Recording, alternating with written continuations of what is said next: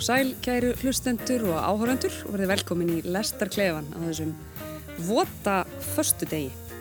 Við ætlum að fara í skemmtilega lestarferð sem vonandi illjar ykkur í þessu leiðinda veðri þeir sem að heima setjið verið jafnvel först í umferð eins og margir eru á þessum tíma dags.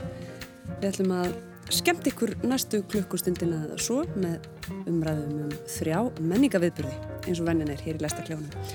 Farþegarnir að þessu sinni eru Hildegunur Byrkistóttir listamæður, Haldur Eldjarn tónlistamæður og Níels Þibó Sýrert, aðstofa hjá Íslensku óperunni og leiklistarnemi. Verið öll velkomin. Fór ég rétt með Nili? Svona þannig laga sko, þetta hefur nú ekki tekist hjá nænum Íslanding sko. Ja, þetta var mín besta alla. Þér enda gekk rosalega vel á sinni tíma að bera þetta nafn fram. Thibaut Girard. Ah oui, c'est moi. Ah. Það er ekki hægt að byrja þetta á menningarlegri fórsendum en að tala smá frönsku held ég. Ja, það er náttúrulega mjög kult að vera tungumál. Svo sannarlega, svo sannarlega. En við ætlum að ræða þrjá menningarviðbyrði eins og ég saði hér áðan og í þetta sinn eru haustlaukar listasaps Reykjavíkur undir, kvikmyndin Apollo 11 sem síndir í Bíó Paradís og svo ætlum við að taka fyrir hinn nýja VF Sapnaðu sem að vísar notendum á listasýningar og menningarviðbyrði um alla Reykjavíkuborg. Þau notuðu appið og letu það leiða sig á ólíkar síningar. Þetta verður allt vandlega tekið fyrir hér á eftir. En við getum eiginlega ekki hafist handa við þetta tríó á þess að stelast aðeins þess að ávarpa stæstu menningarfrétt vikunar hér á Íslandi held ég.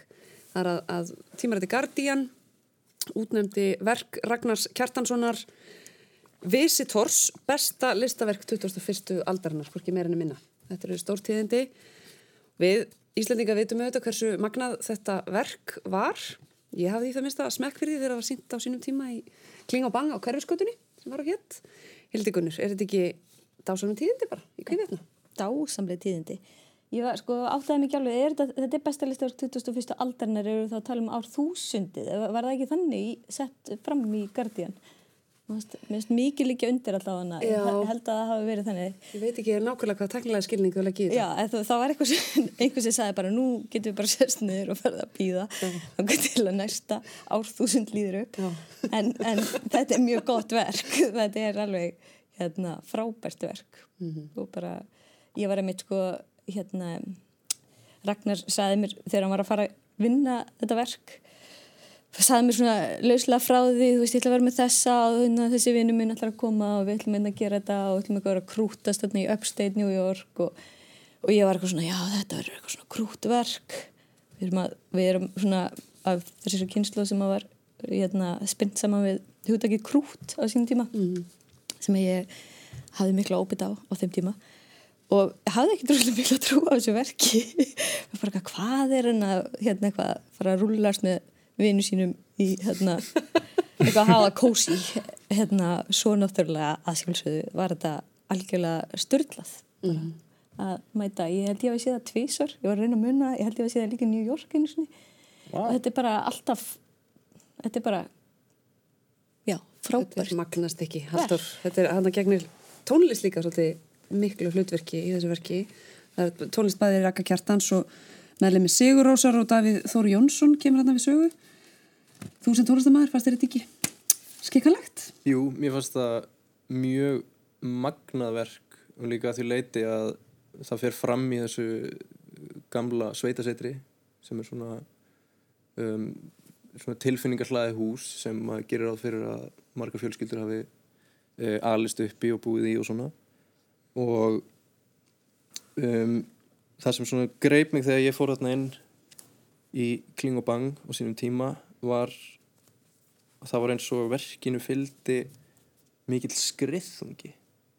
Að tónlistin svona, svona lullar áfram á daldi hægu tempói hver í sínu herbyggi en allir einhvern veginn partur af sem er heild þarna og já, ég held að, að skriðþungi sé svona rétt á orði, það er svona tíminn líður og maður bara einhvern veginn sogast inn í maður hérna sogast inn í boltan Mitt. Níels, hvernig horfður þetta við þér? Við veitum öll að Ragnar Kjartansson er hátt skrifaður, bæði hérlendis og utanlands. Mm Er hann að sá okkar mestu og besti? Hann er uh, sko stórfenglegur í alla staði finnst mér sko uh, þarna og mikill sviðslistar maður hann er það og mér fannst sko mér finnst svolítið vel orðað hjá þér skriðþungi og þarna að þeim fórsendum líka sko mér fannst það sem mér hreif mig gífurlega mikið á hverju skutinni á sinni tíma var þessi renesansmálverk sem mér fannst vera svolítið svona eitt af einkennum þessa listaverks. Svona málverk, lifandi málverk sem ég fannst hver rammi svona representa ef ég mætti sletta. Og þess að bara, já mér fannst það, hann er alltaf gífurlega klár og það það næmt auga og mikinn hug, hugsuð til þess að framkvæma slíkt verk og þetta var, já veist þetta vel orðað, ég veit ekki við hverju ég ætti að bæta þetta. Þetta var mjög flókin pæling. Nei, þetta var svona góð pæling sko. Já, skriðþungi, mér finnst þetta nú líka bara svolítið svona eins og okkur hugleðsla, að standa henni í rýminu og taka þetta allt inn. Já, Já, ég dró með mér uh, fólk og vini sem að e- eru kannski ekki vönu því að mæta á, á síningar eða svona. Og það var einhvern veginn eins og allir gáttu fundið sína tengingu já, Við 100% mér finnst það líka að vera eitt af því sem að Ragnar gerir og þess vegna er hann á efst á svona lista að það geta bara svo margir tengt mm við og hann er samt ekki að reyna svona Hann er ekkit að vera Hann er ekki- popular, hann er Nei. algjörlega að vera innlegur en það Já. er bara, þú, þú, þú ferð alltaf inngöngu bara, þú þarft ekki að, að vera hluta af einhverju elitu, það, hann getur gripið þig, hann er náttúrulega snillingur að velja með sér fólk líka Mm. alveg, sko og, og sko, og me- meistari eins og þú segir, en hann er líka bara manneskja, bestur í að vera manneskja og bara vera góð, góður við fólk og draga það besta út úr fólki og þú veist, sapna í kringu sig einhverju svona, bara, já eitthvað, einhverju svona magic, hérna Sammála. liði og líka hver einstaklingur fyrir ekki þarna hver einstaklingur hafði líka svo sterk svona persónu einkenni sem flutti þetta lag Já. í hverjum ramma fyrir sig þannig að það var einhvern veginn svona þú gast svo auðveldlega eins og við erum að segja fengið eitthvað út úr þessu sama hvað það væri út af því að mörg svo svona mismunandi tilfinninga gildi hverjum ramma persónuleiki Einmitt. Og að við erum ekki nógu stolt af honum Ragnari okkar, eins og maður segir við svona tilöfni. Það var annar Íslandingur á listanum, Ólafur Eliasson er hann í 11. sæti og þið nefnið svona þetta manneskjulega í Ragnari og félagslega og hvernig hann er um mitt, minnst það fallega orðað, bestur í því að vera manneskja. E, það er auðvitað allt annað upp á tinningnum hjá Ólafi.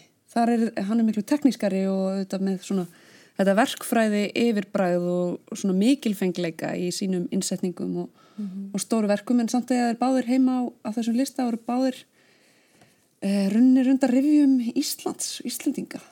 Ef ekki bara vera stolt af þessu. Eiga þessar svona flottu en ólíku listamenn.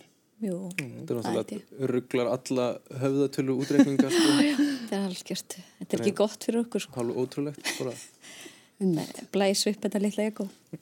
það má stundu vera stoltur af, af Já, já, landinu já. sínu og þjóðinu ve- um Eitt varandi verkins Ragnars með, og með hvað hann er góður í bæði að vera mannskja og í lífinu að þá er ótrúlega fallegt að þetta verk fjallar um svona smá um, kannski eftirsjá og, og, og hérna, um, skilnað að einhverju reyti að mér mannst eitthvað svo bilað að þannig að uh, flytur hann ljóð uh, ástísar Sivjar sem að uh, var þá hérna, fyrir, ný orðin fyrirverandi kæristanans eða eiginkonans þegar giftu sín þannig að uh, maður veist að bara svona svolítið magnað að geta byggt eitthvað svona fallegt á einhverju sem er svolítið tragist Einmitt.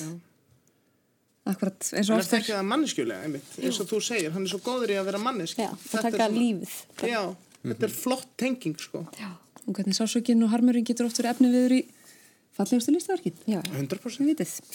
Allavega, við skulum ferja okkur yfir í fyrsta máladagsgrá það er kveikmyndin Apollo 11.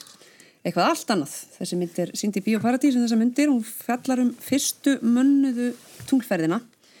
Í leikstjórn Todd Douglas Miller sem er leikstýriði í kveikmyndi sem heitir Dinosaur 13 sem ég veit reyndar lítið um. En þetta er merkileg kveikmynd fyrir margar hluta sækir, þannig að leikur gríðalegt myndir til grundvallar.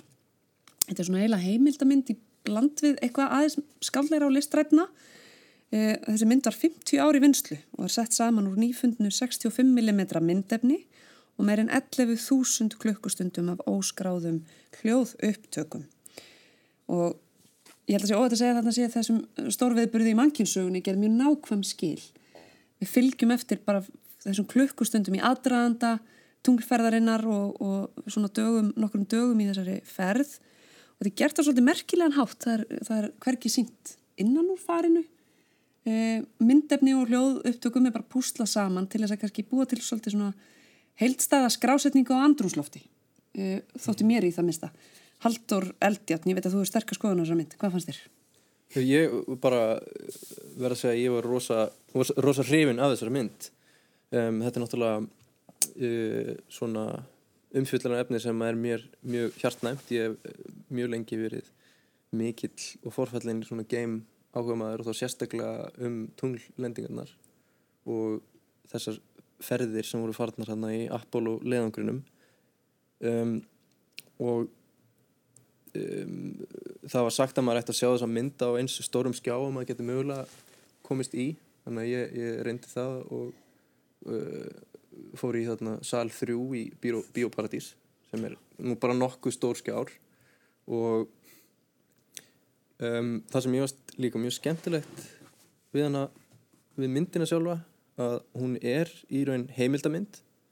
Um, það er búið að lítið fært í stílin en maður er að sjá í fyrsta skipti myndefni í svona hári upplöst frá þessum atbyrðum þannig að þetta virðist allt í einu ekki vera svo mikið í fjarlæri fortíð þetta er náttúrulega 50 ári liðin og um, myndefni sem maður sér frá þessum tíma er oft bara svartkvít eða mjög illa farið, mjög illa farna filmur en þannig búið að taka bara hvern einasta ramma og litan upp á nýtt og um, bara gera þetta eins og, og þetta lítur út eins og bara bíómynd sem er tekinn í dag mm -hmm. á bestu mögulegu græur og líka annað sem ég tók eftir að öll hljóðvinnsla var alveg til fyrirmyndar.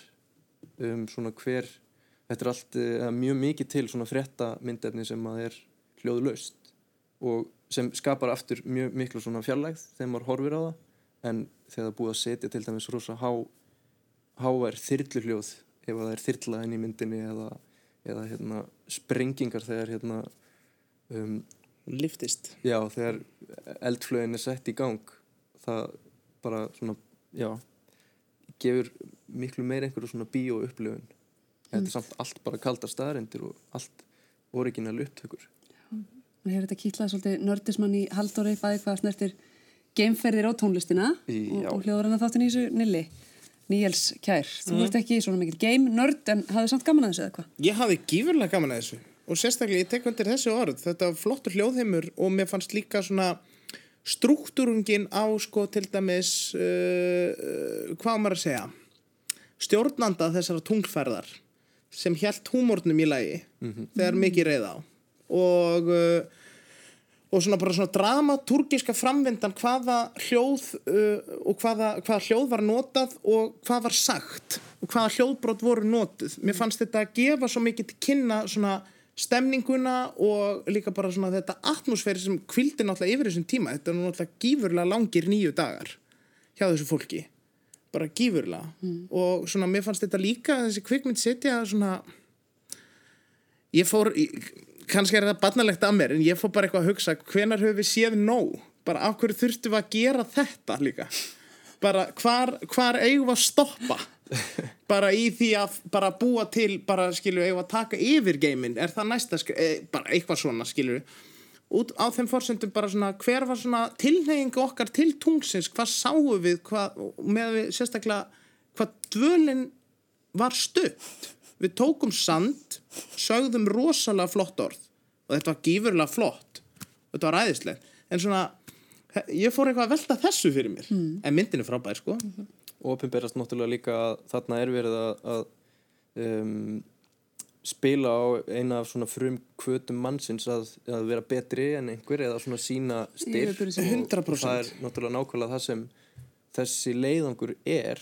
Þetta er bara svona saminningar tákn og og verið að sína að bandaríkinn eru best í heimi og keirt áfram á þeirri ástriðu tekst okkur að fara í leiðangur sem er síðan, síðar álitin vera um, eitthvað sem allt mannkynni átti saman og rosaleg rosalegar framfærir sem urðu í alls konar tækjabúnaði og 100% mjög margt gott sem kom út úr þessu. Til dæmis var bara í fyrsta skipti eða ein, ein af svona fyrstu tölvunum voru notaðar. Það var einhver rosalega frumstæð tölva sem að herbergi. Já, eða í rauninni þeim tókst að, að búa til eitthvað svona kassa úr því sem að Mhm. gáttu verið með í flauginni svona tölunafræðingar og, og nördar liggja yfir Já. svona teikningum, elektróniskum teikningum að þessari tölvu Mhm. af því að þetta var bara, þetta var bara gífurleg uppfinning og þetta er, þetta er í dag tölva sem kannski er já, ég veit ekki mörgum miljónum minna öflug en bara símarnir sem erum með í vössunum mm Þetta er magnað. og á þessu komumst við til tungsins Vissulega og þetta er náttúrulega bara hugur mannsinn sem kom okkur til tungsins og það er náttúrulega bara mjög vand með farið líka og ég er ekki að segja að strákarnir í, í lendingarfarinu hafi tæklað hann eitt ítla uh, en svona þetta er rosalega vand með farið eins og þetta símtal sem forsetin ringdi til tungsins og ávarpaða sjálfur. Já nú er ég eflust að framkvama frægasta símtalsögunar svona mögulega en svona þetta er allt mjög vand með farið málefni líka. Og allt í skugga tragedíunar með morðið á Kennedy. 100% hans draumur eða hann Og þessir félagslegu og mannlegu þættir eru svolítið undirstreikaður í þessari mynd og ekki síst kannski svo staðrinda eftir þetta stórkostlega afreg þá gáttu þeir síst baðað sig í dýrðinni og viðurkenningunni en þess að þessi ma- menn voru allir lokaðir inn í einangrunarklefa um leiður koma aftur til jarðarinnar. vinguð út um Einmitt sko, þannig að þeir voru nú ekki borðnir á neinu gullbörrum þannig fyrir að, að, að lungum tíma loknum. Nei, 100% Það geta bara Og- skammast tími fyrir að hafa farið til tungsins Já, Beint í einangrum með eitthvað. En Hildi Gunnur, fyrir Fyrir þína parta, Já. mér langar nefnilega mikið að bera þessa kveikmynd undir listamann, Lista, listamannskja, þegar mér þótt hún svona, eins og ég nefndi hérna áðan, svolítið svona sjónræn og kom mér á óvart að nú ég sjálf lítið í raungrunum og vísindum og, og sækir lítið í kannski menningarefni sem er á þeim toga, eða fjallar um slíka hluti, já. En þessi gerði mikið fyrir mig sjónrænt, hvað varst þér? Jú, mér fannst hún alltaf bara gullfalleg og það er þessi sko opaslega fallega myndvinnsla eh, skönnuð einhvern einasta ramma einhverju bílar upplust sem að segja okkur líka hvað filmur eru mikil snild og geima miklar upplýsingar. En þú veist gullfalleg og treysta efninu á þennan hátt með því að vera ekki að eh, vera með n- narrasjón að, eða svona einhvers konar yfirspilun. Aðra en þá sem átti sér staði í raunveruleikunum skiptir rosalega miklu máli fyrir fegurðina einhvern veginn. Og, og mér fannst sko tímum að bara þeir fóru til tungl, tungsins til að gera þessa mynd. Þetta er dýrasta mynd sem hefur gerð bara, þetta var svo sjúkla fallega og þá myndi ég eftir því þegar ég, bara fyrir nokkrum árum síðan þegar ég trúði því að það hefði enginn farið til tungsins sá einhverja franska heimildamind sem að sannaði það fyrir mér alveg bara blákalt. Að bandarækjumenn hefðu farið til þeir fóru ekki til tunglsins. Já, þeir fóru ekki samkvæmt þessari mynd. Þeir voru bara í stúdiói og eitthvað svona. Og þá fór ég svona endur skoða þessa mynd sem ég var að horfa á í gær. En hérna en mér finnst hann alveg óbúslega fallega en ég er því miður hérna smá tækninörd líka. Ég kemur svona eðlisfræði áhuga bakgrunni. Þannig ég sko hef leigið yfir svo ég byggði mitt Apollo 11 sko úr legokupum um jólin. Algjörlega ó, já, vissi ekki að ég var að fara í þetta viðtal. Og að þessi mynd væri að koma út, það ekki hugmynd. Einmitt, það er þessi dýrgripur sem við höfum hér. Já, það eru dýrgripir hann á borðinu. Þetta er sko, veist, þetta er farið sem að þeir hérna lenda á tunglunum með, það var náttúrulega bara einn hinnir upp í klefa, sko. En þessi fáni hérna líka sem að blaktir ekki munið, hann er svona stífur. Ég er að með þráhyggju fyrir svolítið Jú, mikið. eins og margir, margar sannsæðiskenningar það. Og það var mikið tekið fyrir einmitt í frönsku heimildamindinni. Og þetta er farið sem er síðan hérna lenda á sjónum í. En, já. Kannski réttast að lýsa þessi fyrir útvars hlustendum, þetta er forláta þess að í rauninu bara líkan, Já. tækni Lego líkan af, af þessu flotta geimfari. Þetta er sem magna, mér er svona agnarsmáir Já. Geimkallar. Sko, og, og líkanir sem er heima er svona, er meter og lengt, eitthvað sliðis. í alvörunni En hérna, þetta er úrslega skrítið. Hvað fær maður svona, svona? Þessu, já, haldur alveg. Þetta, þetta var sem sem til í Toys R Us sem er ekki lengur til en uh, þannig ég er ekki einu svona að plugga þá góðu verslun en eitt sem að ég fór að hugsa uh, varðandi þetta risastóra PR mál að þú veist það eru þarna þessir menn á vakt og ég minna þú veist þeir eru með svarta teimið og hvíta teimið er bílu vinna, margra ára þú veist, teimisvinna og þarna komust við til tunglsins sem í einhverjum skala er mm, svo miniskjól líka. Ef við ímyndum okkur, þú veist, 50 veturbröð frá okkur, þá er þetta bara einhver svona maur sem ákvað að færa inn á annan stein og svo aftur tilbaka og maður alveg, já, þetta langar okkur að gera, skiptimáli og, og þessi, þú veist, bara saminningar kraftur og svona og, og allt í ljósi þess að það var þarna svona svolítið kalt stríði gangi, þessum á keppni keppniskapi lætum að gera. Gera ótrúlustu hluti. Og ég fór svona, vá, hvað það væri klikkað ef að það væri bara rosa keppni í gangi um það að bjarga jörðinni. Bara koma svo, hver ætlar að vera fyrstur? Komum alltaf tekni, tekni nýjangunar Bandaríkjaman voru líka náttúrulega eftir á í svo langan tíma Rúsar voru með já, fyrsta mannaða mönnuðu gemferðina já, já, Já, já. og apa Já, og Abba og hund blessu sér minning Já, já. Það stóla í þessu öllu saman. en Er raun og veru sko. Sputnik náttúrulega upphaflega fyrsti bara gerfinhötturinn sem að var sendur. Já, já, mitt En þannig að okkar niðurstað er, svo að þetta sé bísna góð kveikmynd og höfðu þið greinlega til margra, ólíkra persónleika. Gífurlega. Þarna, einn langvelda sem tröflaðum við líka í gær. Þarna, við höfum ekki farið á tunglið síðan hvað, 72? Já, já, Er það ekki gífurlega land síðan? það er rosaland síðan Og hvað hefur stöðvað okkur? það er ekki þurrt held ég Tilgangsleysi og, Er það ekki? jú, óforsvaranlegu kostnæður, er það Já. ekki plus? jú, en það er bara hugsalega mikið ekkur sandi þannig þú veist Nú komið nóga sandi. Það er nú fullt af sandi hér líka á Íslandi þess að kemur fólk hinga unnvarpum Já, svo er reynda búið að vera ræðum núna, þú veist, er ekki hérna, Tesla að fara að bjóða upp á tunglferðir eða einhverjir svona fyrir, Jú, Elon Musk já, Elon Musk eða, er. eða hvað Nei. Jú, ég mér minni það, það er allavega, það eru er nokkur fyrirtæki, já, hann er á lendi manns, það eru nokkur fyrirtæki svona með það í, sem svona luxus travel, hérna, luxus ferða skrifstofu, hérna, útspill að hérna, bjóða fólki upp á tunglferðir. Já. Það er nefnilega það. Þessi mynd gerir þá hugmynd allavega ekki minna aðlandi, ég og okkar í það minnsta. En við skulum ferja okkur í næsta menningaviðburð. Ef viðburð skildi kalla, þetta er vefur, snjall app sem að kallast Sapnaðu, sem er í rauninni líka bara heiti átaks til þess að kynna fjölbreytt starf Sapna Reykjavíkuborgar. Það er listasapn Reykjavíkur, borgar, sögusapnið og borgarbókasapnið. Og þetta er svona aðgengilegt og einfalt. Maður opnar þennan vef, sapnaðu.is og þá er notandinn spurður hvað viltu skoða? Og gefnir upp valmöguleikar á borðið síningar, bókmentir, gagvirt, fjölskyldan, myndlist, tónlist og hvað eina. Þetta er bísnast neðut og, og gegnir vonandi því hlutverki að svona gera þessa hluti aðgengilegri fyrir íbúa borgarinnar og fleiri. Haldur Aldjátt, þú nýttir þér þetta, þennan vegvísi og hvað lendur? lendur? Já, ég fór á vergang áðan niður í miðbæ Reykjavíkur og langaði bara til að hoppa inn á einhverja sýningu með, þessu, með þessari síðu, vefsíðu. Og varð svo úr að ég fór í uh, listan Reykjavíkur uh, og fór þar á sýningu sem er í gangi í D-sal um, hjá uh, henni Emmu Heiðarsdóttur. Um, og mér fannst það bara nokkuð svona skemmtileg síning ég vissi ekki alveg hverju ég átti búast við. Ég þekkti hann ekki áður en ég uh, vissi hérna ekkert hvað ég var að fara út í það var svona en ég allavega, ég varð ekki fyrir vonbröðum um, Er það dæmi um eitthvað sem þú annars ekki séð?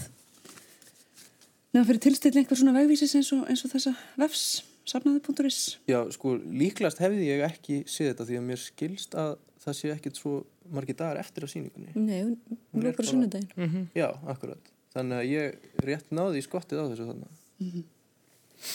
Eins og maður vill oft vera menningarlegur og sækja henni eins og viðburði. Þá hefur kannski einmitt svolítið vantað eitthvað svona, einhverja yfirsýn yfir það sem er í bóði. Akkurat. Og fáum þarna allavega hluta á sapkostum borgarinnar undir einum hatti.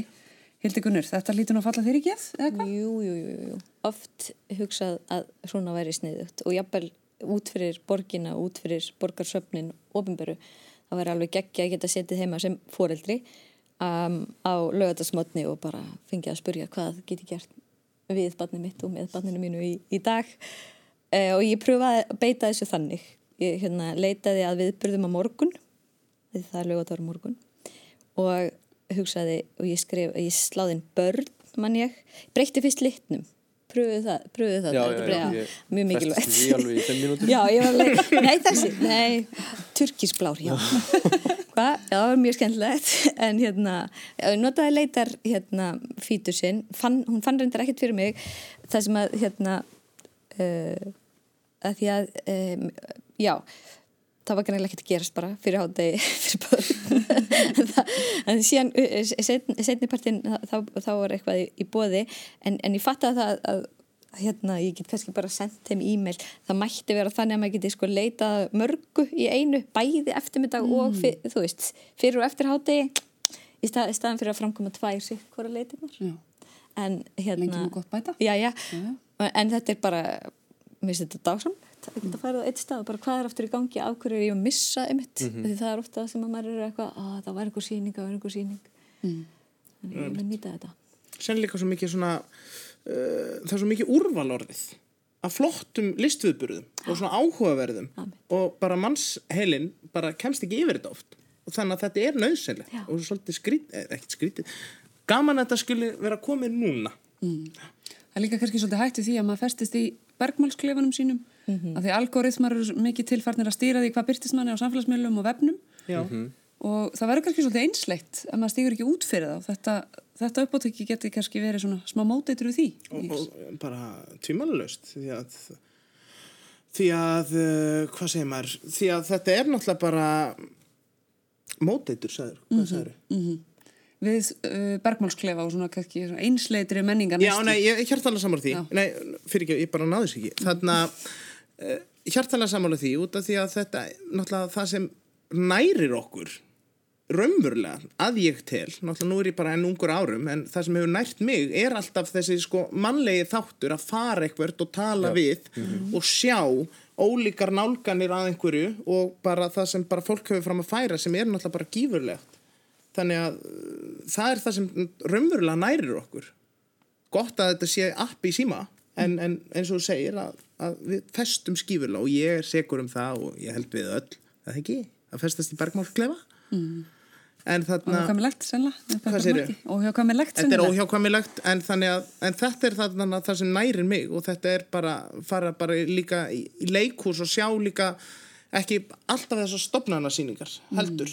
Líka bara hvað er að gerast í grassrút og bara svo framvegis, bara fyrir fólk út af því að ég efast ekki um að það hefði bara gífurlega gaman að því þetta er svo fjölbreytt. Það er nú svo fallegt við landið okkar hvað hér þrýfst fjölbreytt menningarlíf og hvað er alls þar í öllum krókum og kemum verið að setja upp síningar og einhver svona listræn, Já, listræni taktar, tendur sér. Svona að, að spretta upp hér og þar svona pingu lítil galleri Innmitt. einmitt. Eins og bara flæði á grættiskutu þar sem Mjög stofnendur stefna að því að vera með held ég sko eina sýningu á dag og einn viðbur þannig að það er mjög þétt pökkuð dagskráðin þar í bara frekar litlu rými Akkurat. Núlið, annað gott dæmi um svona örgalleri. akkurat nullið, svo náttúrulega galleri port Já. og harpingar Mm, skortur á plássi er engin fyrirstað. Skortur á hugmyndum sem er fyrirstað. Já, sen er hægt að nota þessi rými eða sko mörg af þessum rýmum öllum líkindum í alls konar líka, ekkit endilega uh, sko myndlistarsýningar engungu, akkurat. er það ekki? Nú hefur ekki komið á alla þessi stæði? Ég hef allavega haldið tvennatónleiku í galleri port Akkurat, og spilaði flæði um daginn og jú, þetta er allt bara marg þetta er í rauninni bara tóm rými og, og, og, og fullkomi leifi bara til að gera eitthvað gera eitthvað Eitthvað sem kallast list. Við veist að skilningi. Svona rétt undir lokin Halldór tæknisinnaði eða einn af tæknisinnuðu gestum þess að þáttar. Mér finnst alltaf svolítið skemmtilegt hvernig samfélagsmiðlar eru farnir að svona, gera sér breyða og tóa sér inn á öll svið. Þá er verðt að nefna í, eh, undir þessum hatti þessa átaks er millumerkið safnaðu. Það sem ég sé á Instagram til dæmis og víðar er, er fólk byrjað að merkja, posta og svona skrásetja það, það hafi nú heimsótt listasýningar og miðla listinni á þann hátt. Er ekki bara þið besta mál?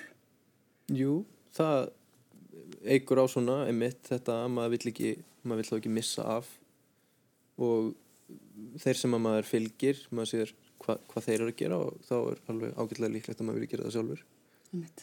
en svona innleggi þetta samfélagsmiðla ævintýri sem við erum svona hægt og rólega einhvern veginn að losna úr held ég aðeins aftur mm. um, að það sem ég held að við gerst með tilkominu samfélagsmiðla var að við breytumst í að, að, að sagt, breytumst úr því að taka frumkvæði sjálf yfir í hvað við ætlum að gera yfir í að vera svona reaktiv eða er að segja að bregðast við einhverju tilkynningum og gera það Já, já, já. uppústungum Kalla viðbráð. mm. Já, og, og með því að opna aftur á svona, ég komur að segja hlut eins og sapnaðu þar sem þú ert bara með program og þú hugsar í dag ætla ég að fara út og skoða listasýningu og þá opnar þú, þú opnar símaskránu og, og leitar að vinniðinu sem þú ætlar að ringi en það er ekki notification sem kemur frá Facebook sem segir þér, heyrðu Þú ert það svona var nú týpa sniðugt að fara á listasýningu hérna Um mitt. Gott mál. Eh, við ætlum að færa ykkur yfir í síðasta mál á dagskrá. Það eru haustlaugarnir. Viðeigandi titill á þessar skemmtilegu síningu. Þetta er þess að haustlaugar listasaps Reykjavíkur og er rauninni samsýning nokkura listamanna utan vekja sapnhúsana sjálfra. Það er búið að koma verkum fyrir vítt og breytum Reykjavík. Þetta eru gjörningar, yngripp og ymirskunnar uppákomur sem að setja sinn svip á Reykjavík og borgin nokkra daga á fjölbreyttan hátt lefi ég mér að fullir það. Þeir listamenn sem eiga verka á síningunni eru Áskeri Birna Björnsdóttir í Sundlögum borgarinnar, Berglind Jóna Lindsdóttir á þakki húsins við Tryggvagötu. Um, Körver Tórótsen er með raunveruleika gjörning, ónefndan. Snorri Ásmundsson bauð til hugleðslu stundar í Egilsöll með meistaranum og dýrlingnum Hilarion og Þórana Björnsdóttir er með einsetningu á hotni póstúrstrætis og östustrætis sem heitir vegvísir á krosskutum fjölbreytt eh, og jafn ólík verk og, og þessir listamenn eru margir. Sýningarstjóri er Markus Þór Andriesson og frangatastjóri er hún Sunna Ástórsdóttir og þessi gleði stendur til 29. september þannig að það gerst ennþá tími til þess að taka þetta allt saman inn. Gerðu þú það, Hildi Gunnur? Já, Já. svo sannarlega. Ég er búin að vera mjög öll í hauslöka uppskeru. Uh, hérna satt þarna smá svona málstofu sem að þau, eða mann ekki fyrirlestur, eitthvað slíkt, sem að þau stóðu fyrir og, og þar voru allir nema snorri held ég að lýsa svona hvaðan þeirra verk kom og, og, og hérna safnið líka ræða þetta mikilvæga hérna, skref þeirra að sína utan sapsins, utan húsins og hvaða er að vera listasafn og hvort að það er ekki að sinna þessum hlutum líka. Uh, sérsagt list í almenningsrými. Og það var frábært. Og svo er ég búin að sjá svona hitt og þetta af, af hinnu sem hefur verið á bóðstólum mjög spennandi prógram. Já, segja okkur á því. Hvað sástu? Jú, hallið ykkur aftur. hérna, ég, eh, ég fór í sund í Vesturbælauginni og fór þangað með eh, sinni mínum og þegar við erum svona nokkurnu einn orðið nakin að þá bara byrjar að ringja sími inn í einum eh, skápana sem að gerist nú stundum þegar maður er að fara í sund nema að hérna svo ringir annar sími og svo þriðji símin og svo fjórði símin og svo verður bara óbústleg síma sinfonía þarna inn í, í Búningsklefanum. búningsklefanum. það sem við sem þar vorum mér snækin vorum í uppnámi yfir þessu byrjaði að þú veist einhver segi það er rosa skviti það byrjaði reynda rosa fallega það var sko tvær konur í klefanum á, hérna, komnar aðeins lengra á veg heldur en við hérna í svonu minn. Og þær byrjaði svona ó, óvart að tala um síma þegar að fyrsti síminn byrjar. Svona, þetta var svona, byrjaði svona rólegur aðdraðandi inn í þetta verk. Og, og hérna, hann byrjaði að ringja og segja já ég hérna þarf að fá með nýjan ringitón eða eitthvað. Byrja bara svona ósæðilegt að tala um síma og þeir eru að tala svo mikið og svo opbúslega gaman að fara í sund saman að þeir tala og tala og þeir taka ekki eftir verkinu og fara inn í styrtu án þess að heyra að það eru komnir þú veist, þrýr símar að tala. Uh, en svo voru þarna tvær um, hérna svona 12 ára stelpur eitthvað svo leiðis sem að voru að ærast. Þar voru hlaupandum með fingurna í eirunum og bara ég get ekki verið hérna, ég get ekki verið hérna. Og kemur svona mjög strakitist inn svona sundlega verður sem að byrja að, að skúra gólfi og segir þetta er bara listaverkstælu mínar. Svona bara algjörlega hérna frábært scenario og, og, og hérna mjög svona, ég veit að áskýrður Byrna, alltaf kvöldu Byrna eh, er svona velta fyrir sér eh, hvar listaverk eiga sér stað og hverjir verða fyrir listaverki. Er það þegar maður veit að þú ert að verða fyrir listaverki að þá sértu að njóta lista? Eða hvort að list, listaverki getur verið frækt og hún lýsir þessi verki sem svolítið frekuverki svona sími að ringja, þetta er alltaf svolítið óþægilegt. Það verða allir svolítið tens einhvern veginn. Um, Fyrir utan þess að tvær konur, er það ekki? Jú, það er náttúrulega bara tók ekkert eftir Nei, þessu, en- sko. en- ekki neitt. Þetta plantar sig samt í en, en, en, vitund já, en ko- kom samt strax inn þessari hugmyndum þessi sími, það er eitthvað rosa áreðandi við þessar símringingar en það er hérna, það voru sko, það var raunverulega bara því það sko, verkið var svo rólega aðdraðanda að þetta var, það gæti alveg verið að það voru tveir símar að ringja, þannig að þær voru svona ekkert að rétta á, á það eða, bregðast í því. En hérna Já, og, þetta er svona spyr svona smá spurninga, eh, svona verk, verk í almenningsrými, þau eru svolítið svona, já, frek eða stundum kröfuhörð og hérna, ég veit að Byrna hefur svolítið verið að velta þessu fyrir sér og hefur gert svolítið frek og jafnvel pirrandi verk og hefur fengið svona fólk sem er pirrað yfir því sem hún gerir. Og, og þá hérna, og hún bara tekur því hvernig sem hún tekur því, svona misfagnandi en samt bara finnst það mikilvægt að spurja spurninga hvort að listaverk til dæmis með ég vera pínupirrandi eða frek eða hvort að ég alltaf bara vera falleg og góð og þæg. Það er náttúrulega líka svona uh, spurningunum sem verður aldrei svarað í list um, hvaða tilfinningur er þetta reyna að framkalla. Það er Já. ekkert endilega alltaf góðar tilfinningur. Já. einmitt, Eða tilfinningar yfir höfuð. Nei. vilja bara búa til andrúsloft. já, akkurat Hvort, hvort að list verði alltaf að framkalla einhvers konar viðbragð. Um, en þú sátt fleira, Hildikunur. Já, ég sá sko fleira. Hérna, m- verkið hennar Byrna þeir heitir Af hverju syngja fuglar sem er bara svona mjög fallegt og ljóðrænt í tengslu við þessa síma. Einmitt. En um, hérna, ég sá eitthvað fleira, já, hvað sá ég meira? Ég fór og hérna að, to- í tollhúsið. Það var nú mikil, ste mikil stemmari, mm -hmm. tollhúsa stemmari. Ég er sko, Það er hugtak sem að ég held að hafi eflust aldrei fengið að heyrast. Já, Vilji maður upplifa hann, þá fer maður þarna á þetta þak og ég var sko búin að vera að hlakka til, komst ekki á opnununa og var bara sko vandraðilega spennt yfir því að fara að sjá þetta verk af því að mér hefur alltaf þú tollhúsið alveg fáránlegt fyrirbæri sko bara sem með þessa hraðbrut sem var þegar ég var barn og þú veist ég bara hm, ég var bara mjög spennt og ég var svona farið hérna tvisar að tala við skattin í svona ríkfællinni hérna innréttingu bara já, mjög spennt. Sannlega almannarinni. að mikið almanna rými um, og, og svo er ég líka sko sérstak, sérstök áhuga mannskja um, um að fá aðgang í hérna rými sem að uh, áður voru jafnvel lokuð og það er búið þarna að fara upp á þak og bara fá að sjá þetta. Ég var svolítið svegt hvað það búið að gera það ekki snirtilegt. Ég var búin að heyra sögur af einhverjum, einhverjum náttúru sem var búin að brjótast í gegn og e- bleikt tré sem var í miklu uppáhaldi starfsmanna það var uppáhalds hrísla starfsmanna upp á þakkinu og hún var bleik að það var bara einhver efni í byggingunni sem að var bara að matana af bleikum litarefnum. Ekki ósipað flamingóum eða vissu það ekki. Þeir eru hvítir en borða rauða rækjur. Verða bleikir. Já. að, já, Sturlustarinn. mm -hmm, góðu staðarinn. Tengist hóllusin ekki neitt. En, en hérna, þetta var bara sko, fíling gjöf að fá að fara þarna inn og eigða þarna 39 mínútum uh, á byðstofu mm. eins og gullfallegu byðstofu gullfoss. Sem að var bara um einhver, einhver indisleg konu sem stimplaði katalógin katalógin minn og ég er svona bara, já, býja því og upplega þetta Ég veit fyrir víst, Haldur Eldjarn, að þú ert svag fyrir listi í almannarými. Þú sjálfur framkvæmt nokkra gjörninga akkurat þannig í fortíðinni, í hörpu og, og þjóðarsálinu og víðar.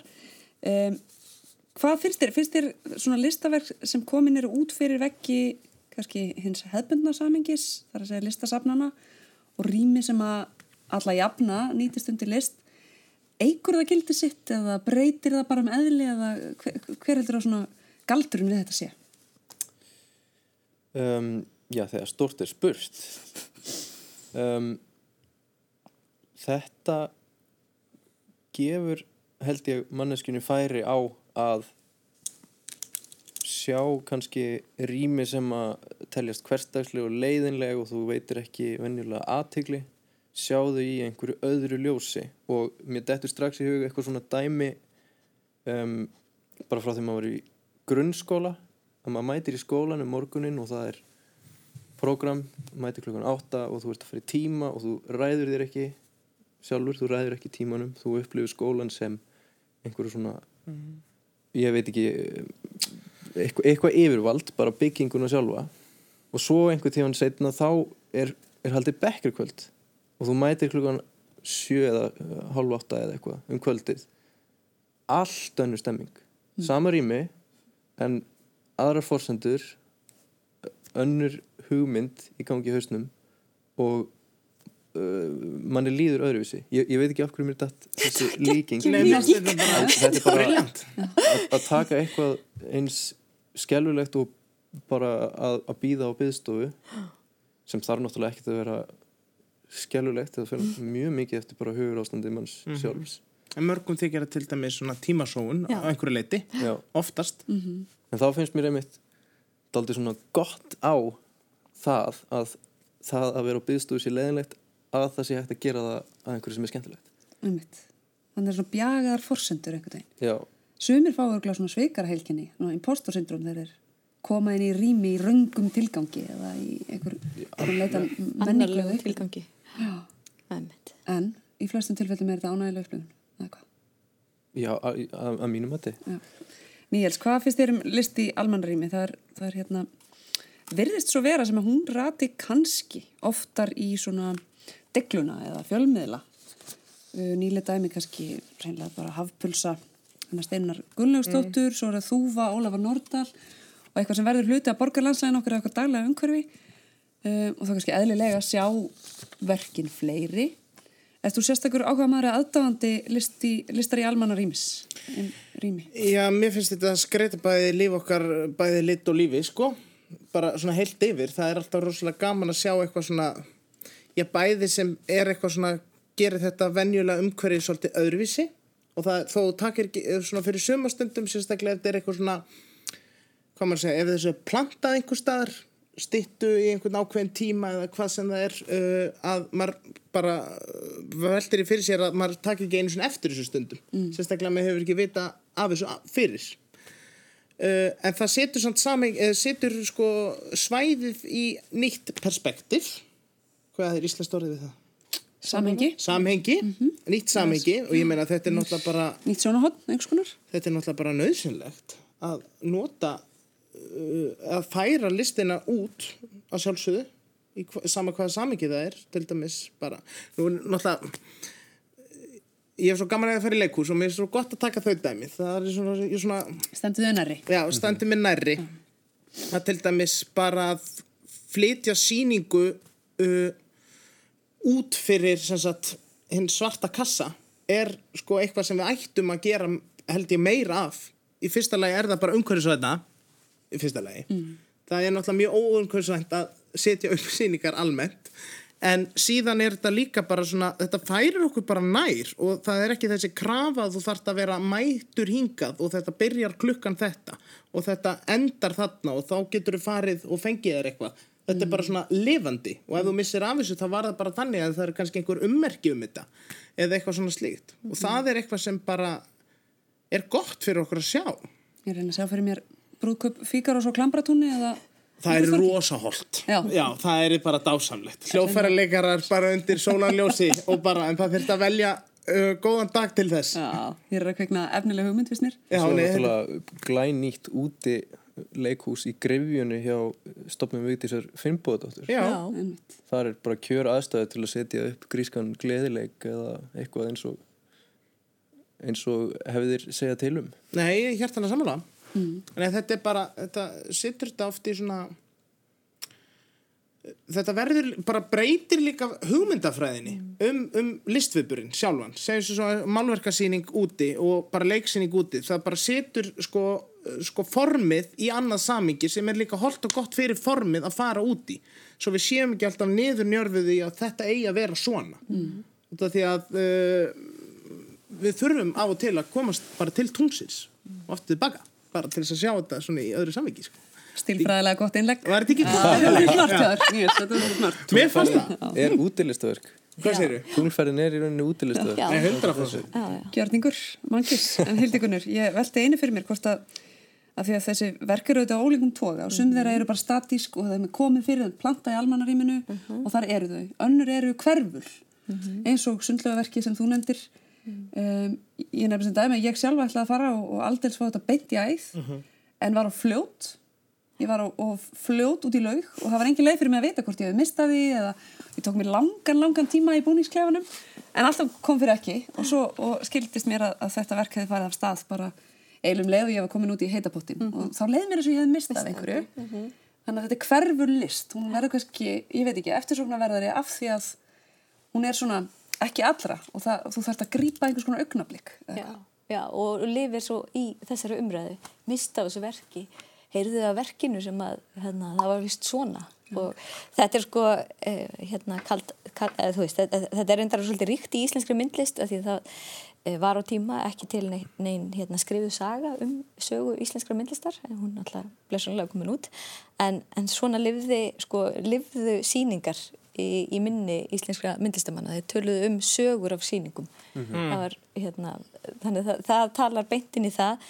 En veist, e, e, þetta með að, að, vera úti á meðal fólksins í almenningsrými uh, þú veist að, það, það bara það, það hérna, það, það kemur ykkur svona súrefni inn í borgina, í, inn í inn í þetta samfélag sem við búum þannig að almenningin sem við þurfum öll að umgangast.